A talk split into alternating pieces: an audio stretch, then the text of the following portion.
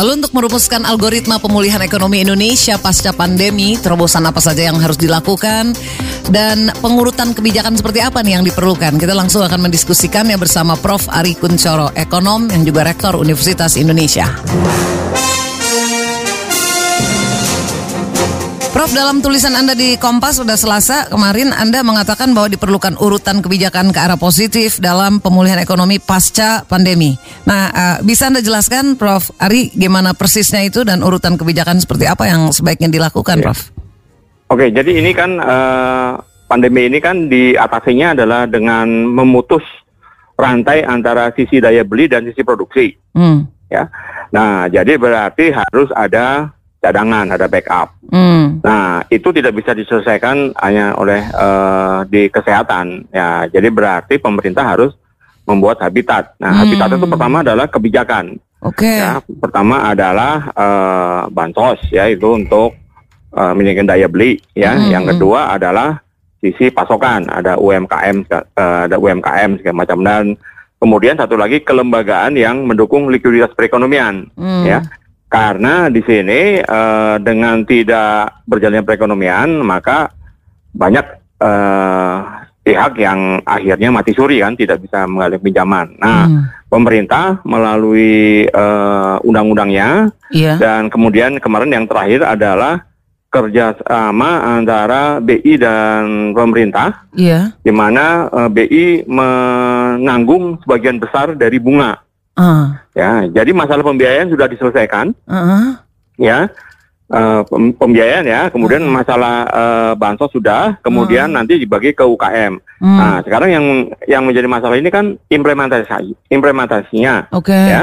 Nah, ternyata kemarin kan kelihatan dari apa dari uh, presiden ya waktu di istana uh -uh. ya yang mengeluh ya uh -uh. bahwa uh, alokasi anggaran kok masih masih sedikit. Iya. Ya. Iya. Nah, jadi saya melihatnya dua. Pertama mm. adalah dukungan tadi, ini sudah diselesaikan dengan BI. Mm -hmm. Yang kedua adalah mungkin harus ada uh, ya apa istilahnya itu uh, koordinatornya ya. Mm. Karena memang ini ada tim COVID ya, mm. tapi kan uh, ada kementerian. Nah, ini uh, jurisdiksinya itu kan tumpang tindih. Nah, ini yang harus mm. jadi yang dari uh, kementerian itu memang harus ada duduk di uh, tim COVID, hmm. ya supaya uh, uh, jadi sejalan. Nah urut-urutannya sudah ada ya. Hmm. Jadi ini uh, seperti kalau main bola itu bola kan dioper dari penjaga gawang hmm. ke tengah. Ya. Hmm. Nah tapi kan mesti digolin sama penyerang yes. striker. Yeah. Nah ini yang ini yang belum ada. Nah, hmm. Cuman dari urut-urutan kebijakan tadi hmm. ternyata uh, orang sudah melihatnya sebagai sesuatu yang positif. Hmm. Nah itu kelihatan dari penguatan nilai tukar rupiah, hmm, ya. Okay.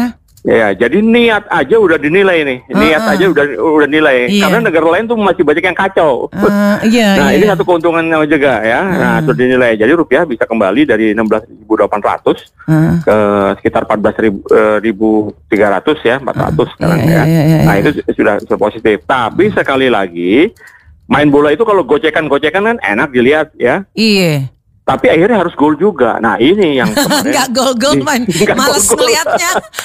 iya. Memang mainnya ah. cantik uh, gitu ya. Mainnya cantik. Uh, Jadi kayak Brazil waktu lawan Prancis ya. Iya. Uh, dia kalah. Kenapa? Padahal dia cantik mainnya. Kenapa? Lupa ngegolin. Gocek-gocek gitu. Saking menikmati di tengah itu ya apa? Iya. Lupa jadinya. Nah, okay. nah ini memerlukan artinya perencanaan ya. Alright. Kenapa? Karena yang di kementerian itu dia kan sektoral, uh. ya kan? Melihat sektornya. Sementara yang tim COVID itu antar sektor, hmm. kesehatan, ya transportasi, ya ke daerah segala macam. Hmm. Nah, jadi alokasinya itu harus diterjemahkan ke hmm. kementerian masing-masing. Hmm. Nah, jadi ini ada missing link nih di sini. Hmm. Ya. Nah, jadi misalnya kementerian itu uh, mau ngapain ya? Nah, hmm. dia kan perlu informasi. Hmm. Misalnya uh, dikerahkan dulu ke gaji dari uh, hmm. tenaga medis, ya kan? Hmm. Ya, tenaga medis. Ya, kemudian mungkin rumah sakit rumah sakit daerah hmm. di kapasitasnya sebagian untuk COVID dulu. Hmm. Jadi yang pasien biasa jangan dulu. Nah, itu kan buat rumah sakit kan penerimaannya turun. Iya, iya, iya, ya, benar. Nah, makanya harus dialokasikan. Hmm, ya, itu rupanya. Dari, hmm. Itu rupanya di situ. Hmm. Kemarin kan dari Kementerian Kesehatan kan kelihatan uh, alokasinya masih empat uh, persen ya katanya kan. Iya, benar. Ya, nah seandainya itu dialokasikan ke sana, tentunya penyerapan akan semakin besar hmm. dan juga alat kesehatan. Nah kita lihat ya dari uh, iya. UI, UNEF segala macam kan bikin juga. Betul, ya. betul. Jadi intinya situasi perencanaan anggaran yang tadinya adalah situasi biasa mm-hmm. itu perlu disesuaikan dengan situasi COVID. Iya. Nah, jadi memang nggak gampang karena kan pejabat-pejabat di kementerian itu kan istilahnya apa uh, di Jakarta ya, sementara ini COVID ini kan di daerah, iya. pasukan gugus tugasnya ada di daerah. Benar. Nah, hmm. itulah yang dimasukkan sebagai urutan. Jadi ini hmm. yang terakhir ini urutan ini, ini udah bagus nih, udah ini, udah hmm. ini uh, udah semua udah membaik situasi makro, kemudian hmm. apa indeks purchasing manager index udah naik gara-gara mm-hmm. relaksasi, kemudian ekspektasi konsumen udah mulai naik sedikit. Mm-hmm. Nah, cuman daya dorong perekonomian itu hanya bisa kalau pemerintah masuk mm-hmm. dengan pengeluarannya. Kenapa? Mm-hmm. Karena pemerintah itu istilahnya sistem integrator, mm-hmm. dia bisa ke mana-mana. Mm-hmm. Ya, ke mana-mana. Jadi kayak kayak gelandang pembagi bola, mm-hmm. ya Nah, ke mana bagi sini, bagi sini. Nah, striker tinggal golin. Tapi striker juga harus dikasih tahu juga mm-hmm. bahwa ini uh, istilahnya pertandingannya cuman dua kali empat puluh menit, jadi jangan keasikan gocek-gocek juga. Iya, iya, ya kan? iya benar-benar benar-benar harus lihat gawang tuh di gol nah, situ. Harus lihat. Nah, hmm. makanya yang judul saya itu uh, makro ini kecepatan pemulihan. Iya. Kenapa? Uh-huh. Karena 90 menit. Jadi negara-negara lain itu udah menggeliat. Ya. Oh. China, Vietnam, India. Nah, hmm. tujuannya apa? Akan merebut pasar ekspor. Hmm. Dan sebagian besar mungkin akan bersaing dengan produk-produk Indonesia yang sementara mati suri. Hmm. Nah, jadi kita harus bisa juga main ya. Yeah, yeah. Artinya apa? Artinya kondisi perekonomian dalam negeri direlaksasi, ada uh, kegiatan, uh, sehingga industrinya bisa jalan. Karena kalau ekspor aja nggak mungkin, nah, jadi harus ada dua nih. Di dalam jadi negeri dalam, pun ya domestik. Dalam negeri ya, ya. karena dalam negeri itu kayak basis. Yes. Ya, benar. ya. Jadi uh, penerimaan dari dalam negeri itu bisa jadi modal kerja, modal kerja digunakan untuk produksi. Hmm. Nah, produksi ada, hmm. ada yang ke ekspor. Hmm. Nah, jadi ya ini kelihatan banget ya strateginya iya, iya. dari Cina, uh, India dan Vietnam ya. Nah, itu kita kebijakan uh, mengatasi harus, pandemi di Indonesia tuh juga di, jadi perhatian uh, dunia juga ya, Prof ya. Iya, dicontek. Karena dicontek. apa itu? Karena bagus gitu. Karena susunannya bagus. Hmm. Pertama kan deklarasi. Hmm. Kemudian kan ada pernyataan uh, defisit akan dilebarkan ya. hmm. ya. Kemudian ada yang bagian untuk bansos. Kemudian ada bagian untuk UMKM. Kemudian ada insentif bisnis. Nah, itu udah bagus tuh. Hmm. Ya kan? Nah, ya, ya yang tadi lain, missing linknya tadi yang harus dibenerin ya. Hmm. Uh, uh. Negara nah, lain pada nyontek ngelihat kita padahal. Nyontek, ya. nah, cuman nyontek awalnya, nah yang penting ngegolin ya kayak Brasil, yang lain nyontek Brasil, tapi Prancis bisa ngegolin, akhirnya sepak bola indah diambil alih oleh Prancis. Aduh jangan sampai ya kan. Jangan sampai, Aduh. jangan sampai. Eh tapi uh, Prof Ari ada kekhawatiran Indonesia terjebak dalam uh, perangkap keseimbangan rendah atau low level equilibrium ya, trap itu? Iya, karena uh, ramalan dari beberapa institusi itu kok menjadi sangat pesimis. Misalnya di OECD minus 3,9. Iya. 3,39 itu iya. kalau udah sampai ke situ terus satu naik lagi. Makanya, Kenapa? Uh... Karena mati semua rantai pasokan kan. Uh... Jadi jangan sampai mati. Ya makanya uh... yang uh, apa uh, dana untuk UMKM itu uh, kemudian penempatan di bank-bank itu harus segera disalurkan. Itu caranya. Ya, hmm. ya karena sekarang UMKM itu uh, dia perlu perekonomian berjalan karena dia hanya bisa berjalan kalau barangnya dibeli, mm-hmm. dagangannya jalan. Benar, benar. Nah, jadi kalau cuma dibantu bansos ya dapat mm-hmm. itu ya dia dia beli beras kan. Mm-hmm. Nah, tapi dia usaha tempenya kan nggak jalan, kan nggak mungkin orang makan apa uh, beras aja kan. Nah, hmm. jadi mesti diputar. Nah, okay, okay. itu deh. Jadi jangan sampai terjebak di situ. Hmm. Nah, untungnya si Bank Dunia itu punya catatan yang lain.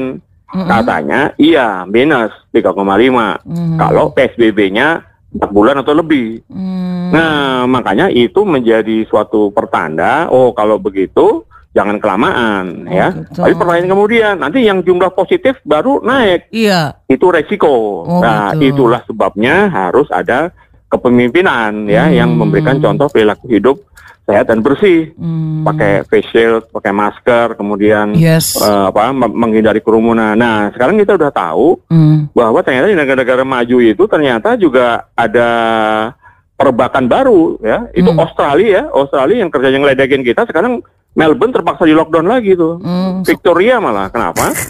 Karena ada kehidupan malam ya. Jadi ah. uh, ternyata, uh, ternyata dari situ resiko paling besar tuh kehidupan malam, kafe. Nah, yang paling rendah resikonya itu ternyata naik goes iya, iya bersepeda jadi klaster baru. Iya. Ya, jadi saya lihat itu di Klaten, Salatiga segala macam, orang-orang hmm. kok pada beli sepeda. Uh -uh. Nah, iya. mungkin di Semarang juga kali ya. Iya. Ini Kudus juga tuh kemarin ada uh, jadi modus juga. Iya. Hmm. Nah, jadi rupanya ini ada perilaku baru sehat yaitu naik sepeda sehat. Hmm. Ya, jadi ini menunjukkan. Nah, tapi tingkah laku yang lain juga harus diperhatikan. Misalnya hmm. antar di stasiun, hmm. ya Antar stasiun kok banyak. Kemarin ada tiga setengah kilometer katanya di Jakarta. Ya, hmm. Ya pertama adalah memang butuh itu. Okay. Uh, jadi harus disiasati. Pertama pengaturan jadwal kerja. Jangan semuanya masuk jam 7. Hmm. Kalau perlu digilir dan hmm. uh, kereta apinya frekuensinya ditambah ya, ya hmm. ya sehingga orang tidak perlu antri berpanjang-panjang yeah. ya. Iya. Ya, jadi kreatif kreativitas seperti yes. yang diperlukan hmm. supaya yang positifnya itu jangan naik terus hmm. ya. Hmm. Nah, sekarang kan Uh, pusatnya hmm. kan uh, masih Jakarta, Surabaya sama okay. uh, Sulawesi ya. Tapi itu hmm. saya lihat tadi datanya yang hari ini uh, hmm. turun tuh, turun ya. hmm. ya. Yang 7 Juli, mudah-mudahan uh, turun terus. Saya, saya lagi mengestimasi bisa turun terus nggak? Karena hmm. saya menghubungkannya dengan kemarin yang presiden datang ke Surabaya dan ke Semarang, ya kan? Iya. Nah, Oke, okay, harus bisa dua minggu. Nah, ini kan hmm. oh, udah mulai kelihatan. Nah, syukur-syukur nanti uh, kita amati lagi uh, turun terus atau paling nggak stabil dulu deh. Baik, baik, baik, baik. Oke, kalau begitu makasih banyak Prof Ari. Terima kasih. Terima kasih banyak. Sampai jumpa Prof. Ya, yes. Demikian Mitra Idola Prof. Ari Kuncoro, ekonom, Rektor Universitas Indonesia.